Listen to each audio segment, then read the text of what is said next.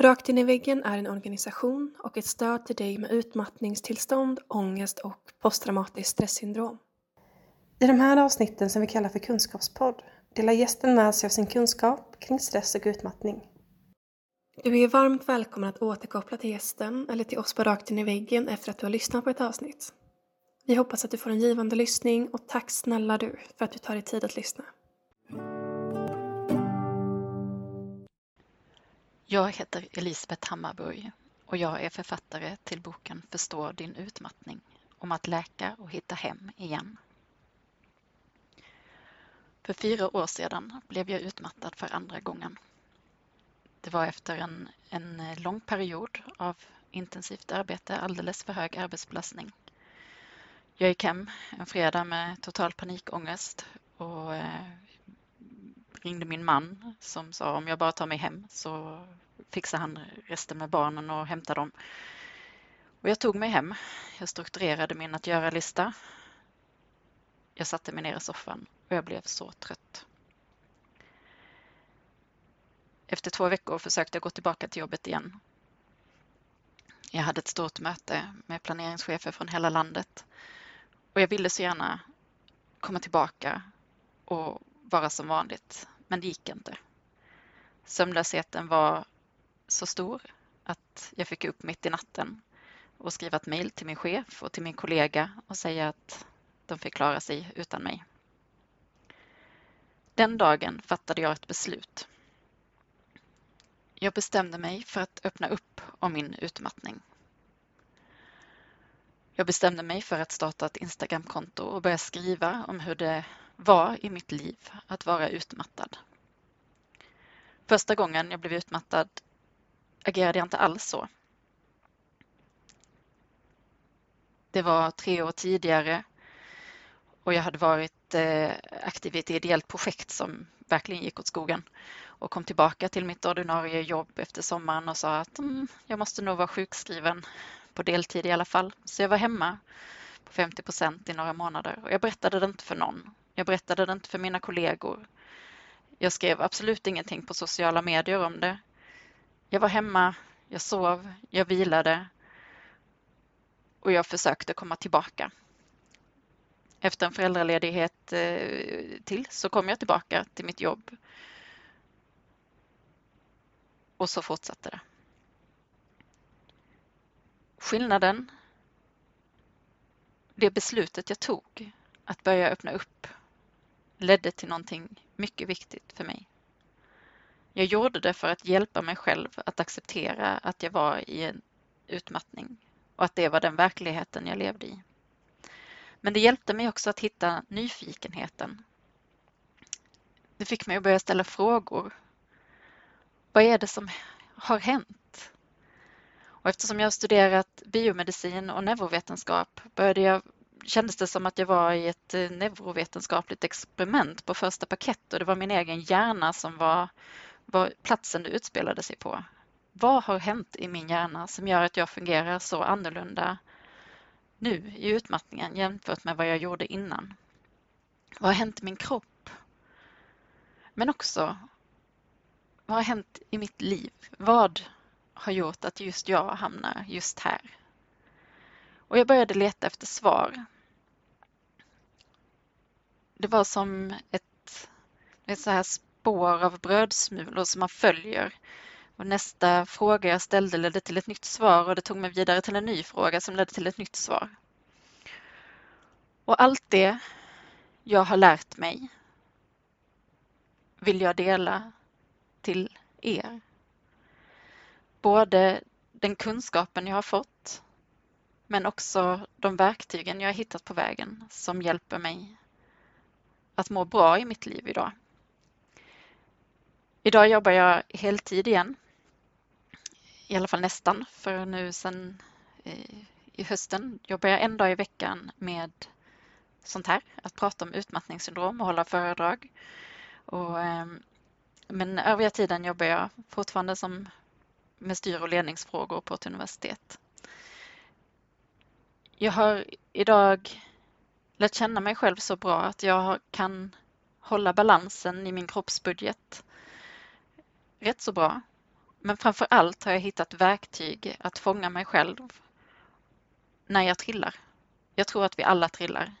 Det går inte att leva ett perfekt liv utan eh, stenar emellanåt och vi snubblar ibland.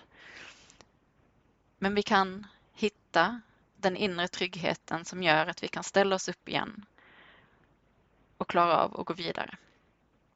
Och det är det min bok Förstå din utmattning om att läka och hitta hem igen handlar om. Så vad händer egentligen i hjärnan vid utmattningssyndrom? För att förklara detta vill jag likna hjärnan eller kroppen vid ett företag. Företagets koncernkontor, det sitter i hjärnan. Och där i hjärnan finns det lite olika delar som styr. Men det viktigaste för ett företag är att ha en budget i balans. Och den processen i kroppen som, man, som gör att vi håller oss i balans med inkomster och utgifter, det är allostasen. Det är så jag har kommit att förstå utmattningssyndrom. Det är en allostassjukdom. Men vi kan likna allostasen vid en kroppsbudget. Vi har inkomster i form av mat och sömn. Vi har utgifter i form av rörelse eller allting i kroppen som tar energi, det vill säga när vi springer och använder våra stora muskelgrupper, då behöver musklerna energi. Det är en utgift i kroppsbudgeten. Men bara att hålla igång alla våra inre organ som ju ständigt arbetar, det är också en utgift i kroppsbudgeten. Att tänka. Hjärnan är det organet som behöver absolut mest energi. Att tänka, jättestor utgift i kroppsbudgeten. Men också andra saker som till exempel immunförsvaret när vi slåss mot en infektion, också någonting som tar energi i kroppen. Vi kan arbeta med att minska vår energiförbrukning genom att vila och genom att vara i ett sammanhang där vi känner samhörighet genom att vara hos människor i en situation där vi känner oss trygga. Så vill du ha den här kroppsbudgeten och för att den delen av hjärnan som styr kroppsbudgeten kallar jag ekonomichefen. Ekonomichefen är den som fattar budgetbeslut. Men om ekonomichefen hela tiden skulle fatta beslut baserat på vad den faktiskt vet skulle allting gå för långsamt i kroppen. Ekonomichefen fattar ständigt beslut på vad den tror ska hända. Om vi till exempel sitter ner och ska ställa oss upp så måste kroppen förbereda detta genom att öka blodtrycket för att vi inte ska svimma när vi ställer oss upp innan vi har påbörjat handlingen. Så ekonomichefen antar att vi ska göra någonting, säkerställer att det finns resurser och att vi har kapacitet att klara det innan det faktiskt har skett. Till sin hjälp har ekonomichefen omvärldsbevakaren. Det är en del av hjärnan som skannar av både det inre läget i kroppen genom någonting som kallas introception, men också det yttre läget. Använder våra sinnen, synen, hörseln, smaken, lukten, känseln för att avgöra vad är det som händer. De skickar hela tiden signaler till ekonomichefen om detta så där ekonomichefen förutspår har omvärldsbevakaren en väldigt viktig roll i att faktiskt verklighetsförankra i vad som faktiskt händer och inte vad vi tror händer. Det finns ytterligare en funktion som jag kallar controllern som är den som liksom granskar de här besluten i efterhand och ser stämde förutsägelsen med verkligheten. Om den inte gjorde det, hur kan vi lära oss, oss någonting av den här situationen och hur kan vi göra annorlunda nästa gång? Kontrollfunktionen har också hand om saker som arbetsminnet och hjälper oss i beslutsfattandet. Och allt detta är ju små, små beslut hela tiden som hjärnan gör.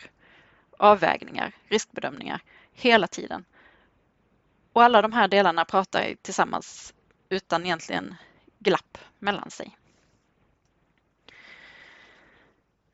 När ekonomichefen bestämmer sig för att det är dags, att kroppen behöver mer energi, då signalerar den det genom HPA-axeln, det vill säga den funktionen som släpper ut energihormonet kortisol. Ni har säkert hört om detta många gånger och då kallas det ofta stresshormon. Jag föredrar att säga energihormon för det, det är helt enkelt när kroppen behöver energi som vi, kortisol frisätts. Kortisol är ett jätteviktigt hormon i kroppen. Det styr dels vår dygnsrytm. Det är, man får en kortisoltopp på morgonen när vi ska vakna och känna oss energifyllda. Och sen under dagen så minskar nivåerna fram till på kvällen då vi ska sova. Då ska melatoninet, sömnhormonet, komma istället. Men som sagt, kortisolet kommer också varje gång som vi behöver få långvarig energi i kroppen. Kortisolet ska stängas av när det har gjort sitt. Det finns en negativ feedback loop i vår kropp som ska säkerställa detta. Kortisol frisätts och sen signalerar kortisolet till hjärnan att nej, nu är det dags att stänga av. Då stänger vi av den.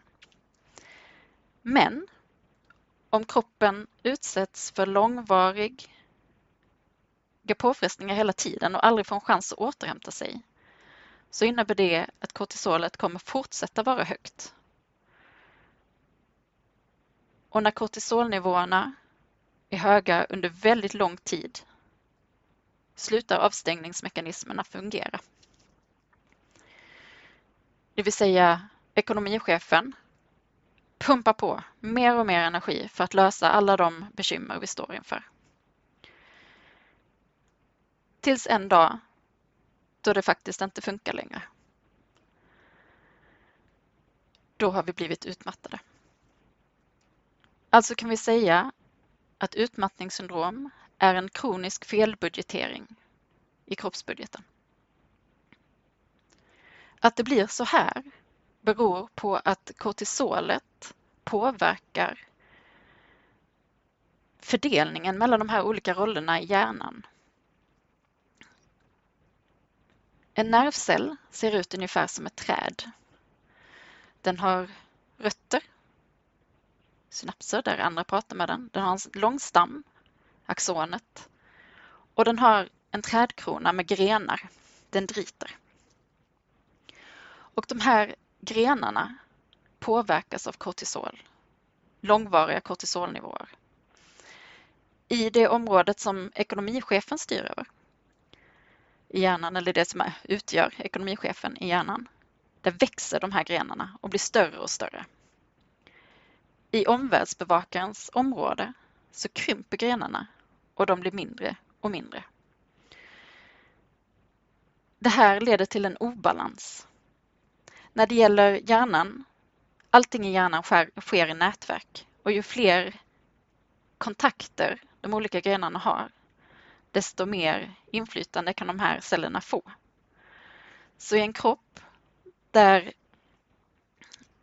ekonomichefens område har växt, då får ekonomichefen liksom fritt spel och blir nästan lite, vad ska man säga, paranoid. Allting som kommer emot oss kan tolkas som att vi behöver mer energi. Det är den första lösningen på alla problem. Vi blir inte så verklighetsförankrade för omvärldsbevakarens område har krympt. Den har inte lika stort inflytande i nätverken.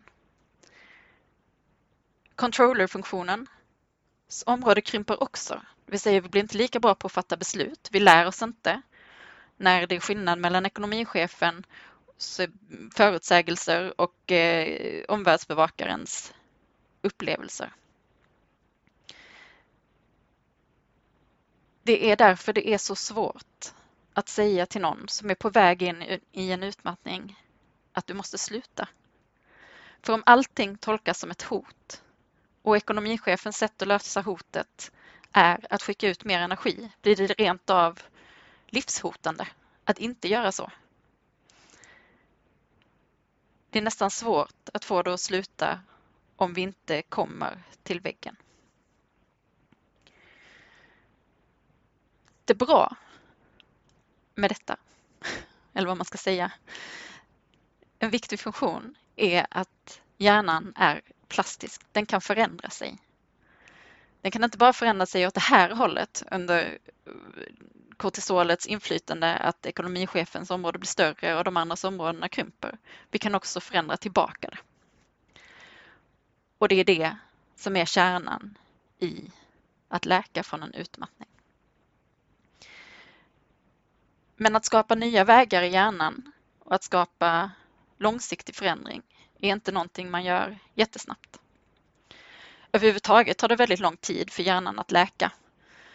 Det är inte som ett ben där man kan ha en process på och man vet att det tar sex veckor för benet att, att växa ut igen. Det här, hjärnan verkar existera under en annan tids, tidshorisont eh, och det tar mycket längre tid för en hjärna att läka.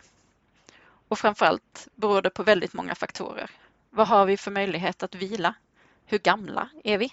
En ung hjärna läker eh, snabbare än en gammal hjärna. Och så vidare.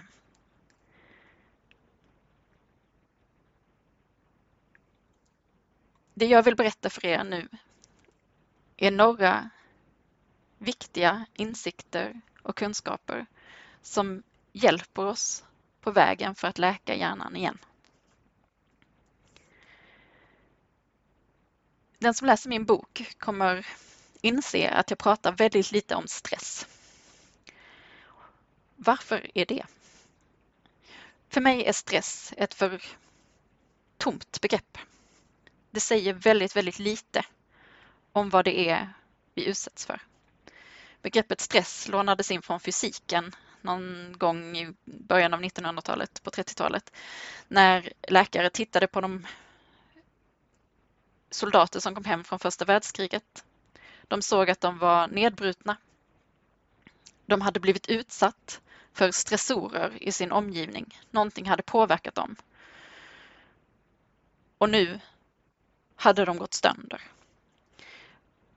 Från fysiken använder man det för att titta på material. Hur mycket påfrestning kan man lägga på ett material innan det går sönder? Men vad händer i det här går sönder processen? Stressen säger inget om det. Stressen kommer utifrån, någonting händer inuti kroppen och någonting händer med oss efter. Det som har varit nyckeln för mig att förstå stress, det är teorin om de konstruerade känslorna. Detta är en teori som eh, neuroforskaren Lisa Feldman Barrett har eh, presenterat. Och den innebär att känslor är de förändringar vi upplever i kroppsbudgeten. Alltså när någonting händer, kroppsbudgeten ändras, vi upplever en känsla i vår kropp vi sätter ett känslonamn på det. Vi har ett koncept för en känsla. Och då får vi en känsloupplevelse. På det här viset så blir det väldigt tydligt hur kroppsbudgeten, alltså det som den process kroppen har för att hålla oss vid liv genom att säkerställa att vi har de resurser vi behöver när vi behöver dem, hänger ihop med våra känslor. Och därför så vill jag säga att Känslohantering är stresshantering. För att komma åt kroppsbudgeten och för att kunna hålla den i balans måste vi lära känna våra känslor och förstå vad de vill säga oss. Skamforskaren Brené Brown hon gjorde en undersökning bland amerikanare om eh, hur många känslor de kunde nämna. Och en majoritet kunde namnge tre känslor. De visste när de kände sig glada. De visste när de kände sig ledsna och de visste när de kände sig arga. De tre känslorna kunde gemene amerikan känna igen och sätta namn på. Det är inte särskilt nyanserat.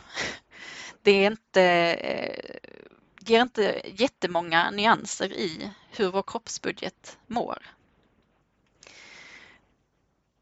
Det också eh, kan vara svårt, för man vet inte riktigt varför man ibland sätter ett känslonamn på någonting och varför man ibland sätter en fysisk upplevelse. Till exempel om du sitter på en dejt och du känner hur det liksom snurrar i magen och, och det känns alldeles fjärilsaktigt. Och så tänker man, oh vad jag är kär.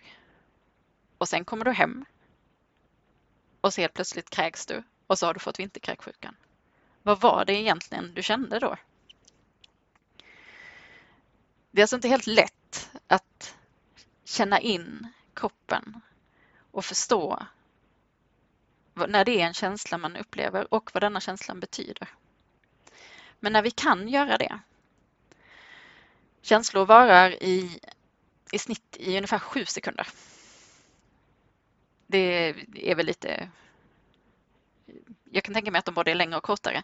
Men när vi verkligen känner en känsla och känner förändringarna i kroppen och låter dem komma så varar en känsla inte så jättelänge.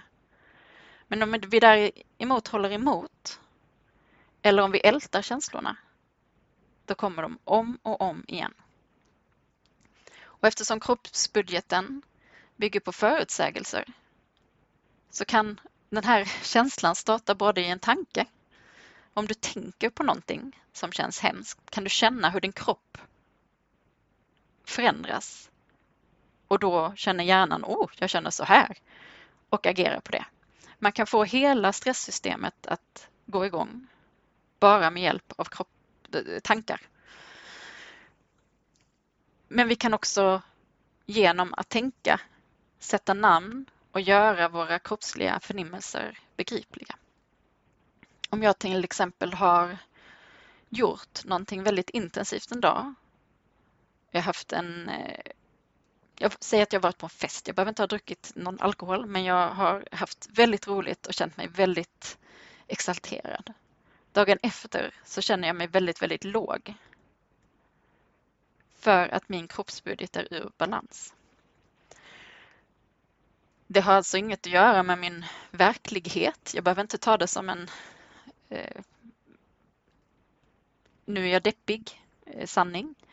Men ja, det har att göra med min verklighet, min väldigt fysiska verklighet, att min kroppsbudget känner sig låg, är ur balans och därmed känner jag mig låg. Kan jag koppla ihop kroppsbudgeten med min känsla kan jag låta den vara.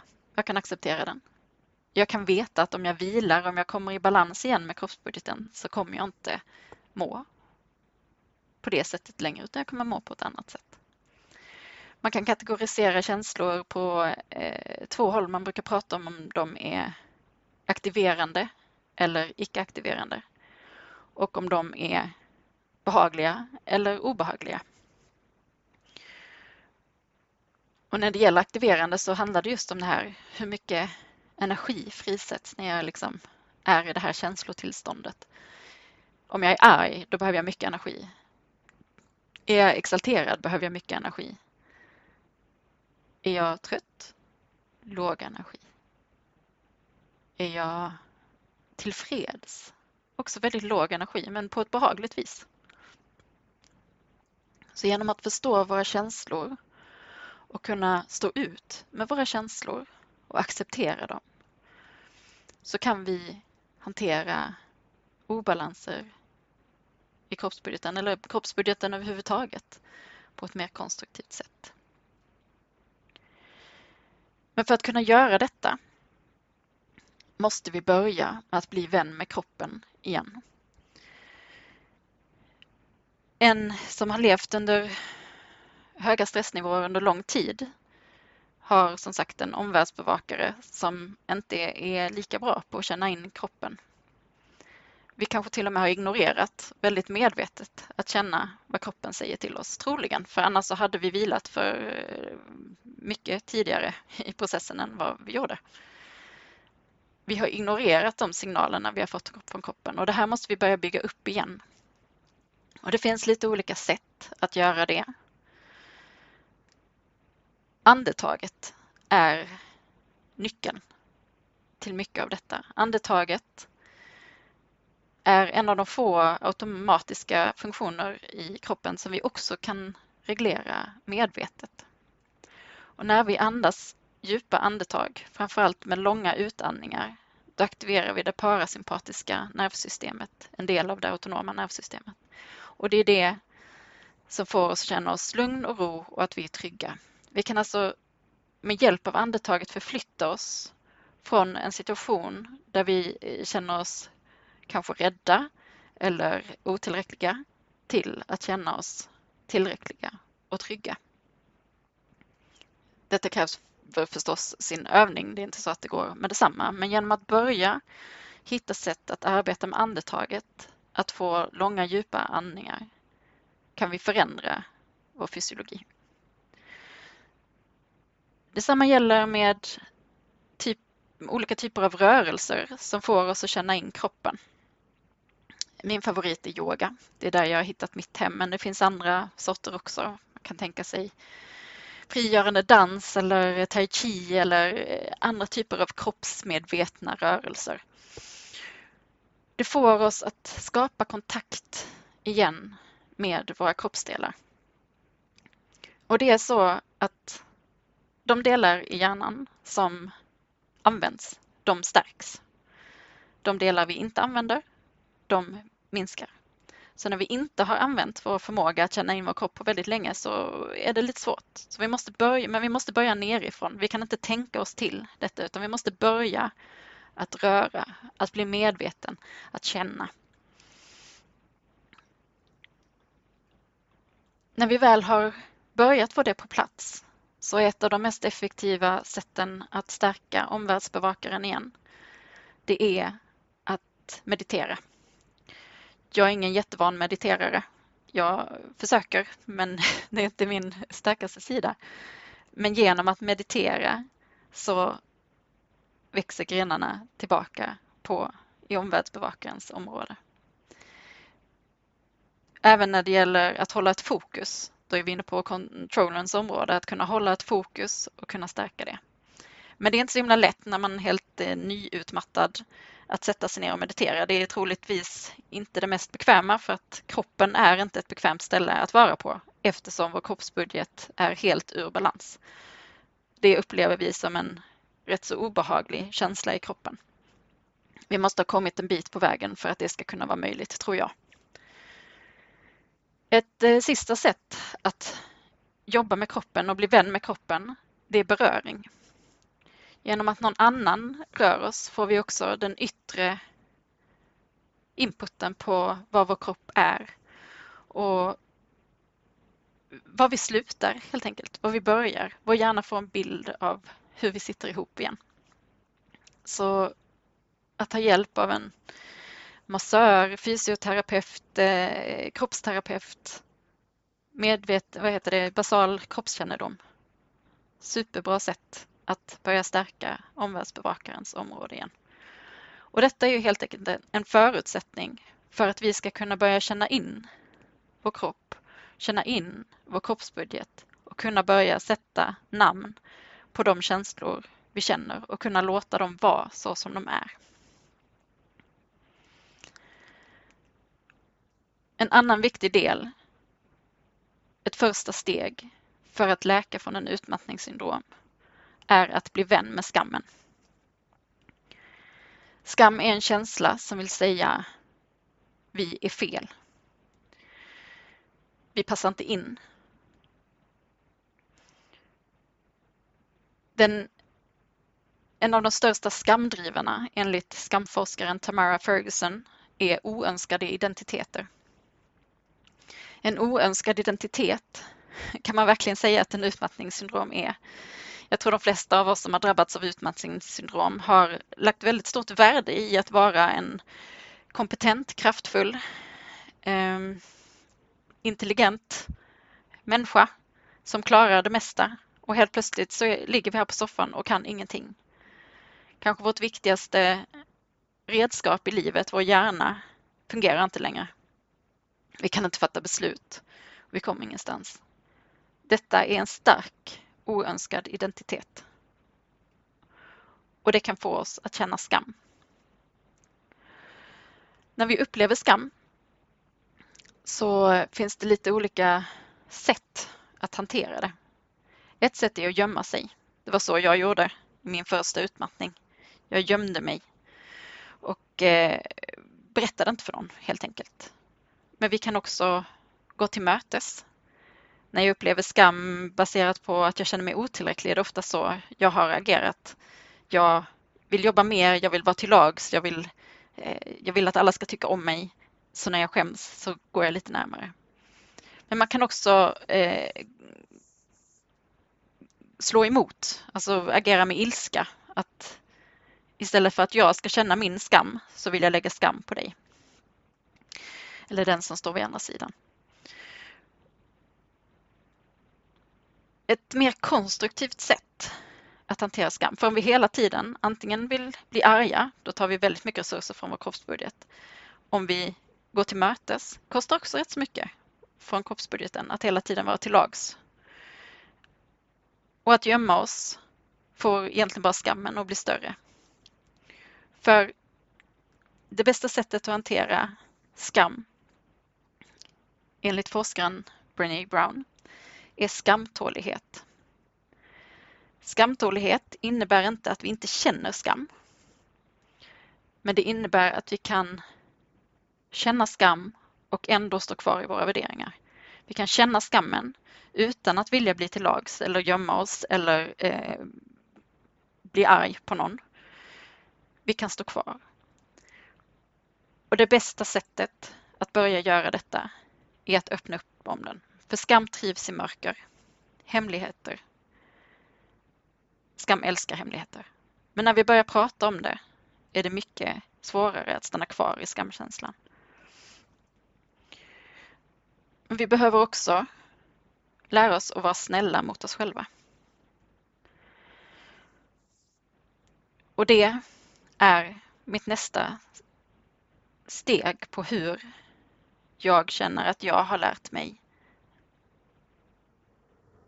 att vara i min utmattning.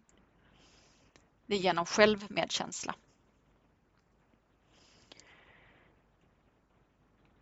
Självmedkänsla är en förmåga att kunna ge oss själva kärlek och omtanke när vi är som mest sårbara. Istället för att kanske ta fram den kritiska rösten i huvudet som den som säger åt oss att vi är dumma i huvudet och hur kan du ha låtit det bli så här och du borde kanske ha gjort annorlunda.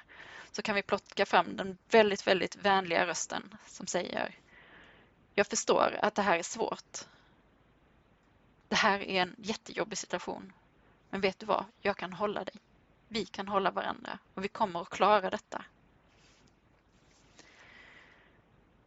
Det innebär också att vi ser vår gemensamma mänsklighet. Att jag är också människa. Jag är ingen superhjälte. Och vi står alla människor i sådana här situationer ibland där det har gått fel och där vi kanske skäms eller där vi blir besvikna. Och det inträffar för alla och vi kan ta hand om det igen så är också en grundpelare i att kunna visa sig själv självmedkänsla att vi faktiskt märker när vi har fångats i, i någon känsla. Att vi märker att vi är i den här zonen där vi behöver visa oss själva självmedkänsla.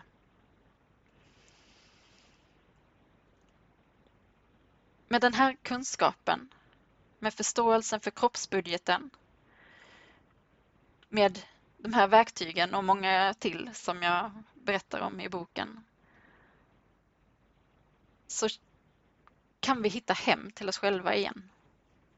Att läka från en utmattning handlar inte om att bli någon annan.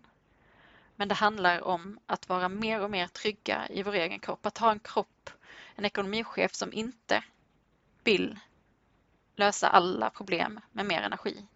Utan som känner sig trygg, har kontakt med omvärldsbevakaren och har en controller till sin hjälp som kan hjälpa oss fatta bra beslut. Att känna sig hemma i sin egen kropp är för mig en väldigt fysisk upplevelse. Det har att göra med min biologi, om hur den fungerar. Men självklart är det också en vad ska man säga, känslomässig psykologisk upplevelse. När jag vet att jag kan känna mig trygg i min egen kropp och jag vet hur jag ska hitta det igen om jag trillar, då kan jag göra nästan vad som helst. Jag kan sätta mål som är höga för jag vet att om jag skulle misslyckas så klarar jag att hantera min egen besvikelse. Jag vet att jag kan klara av att bli arg för jag kan också ta hem mig själv igen och lugna ekonomichefen så att jag varje dag kan hamna i balans igen.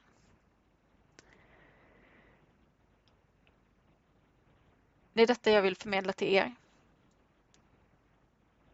Jag önskar med all min hjärta att du också ska hitta din väg genom utmattningen. Och jag hoppas att den här podcasten och min bok Förstå din utmattning om att läka och hitta hem igen kan vara en hjälp på vägen. Vill du också medverka i Rakt in i väggens podcast? Besök i så fall vår hemsida för mer information på www.raktiniväggen.se medverkan. Om du vill tipsa oss om en poddgäst eller om du har en fråga eller synpunkt på det vi gör så kan du alltid mejla oss på info raktinivaggen.se för att få svar.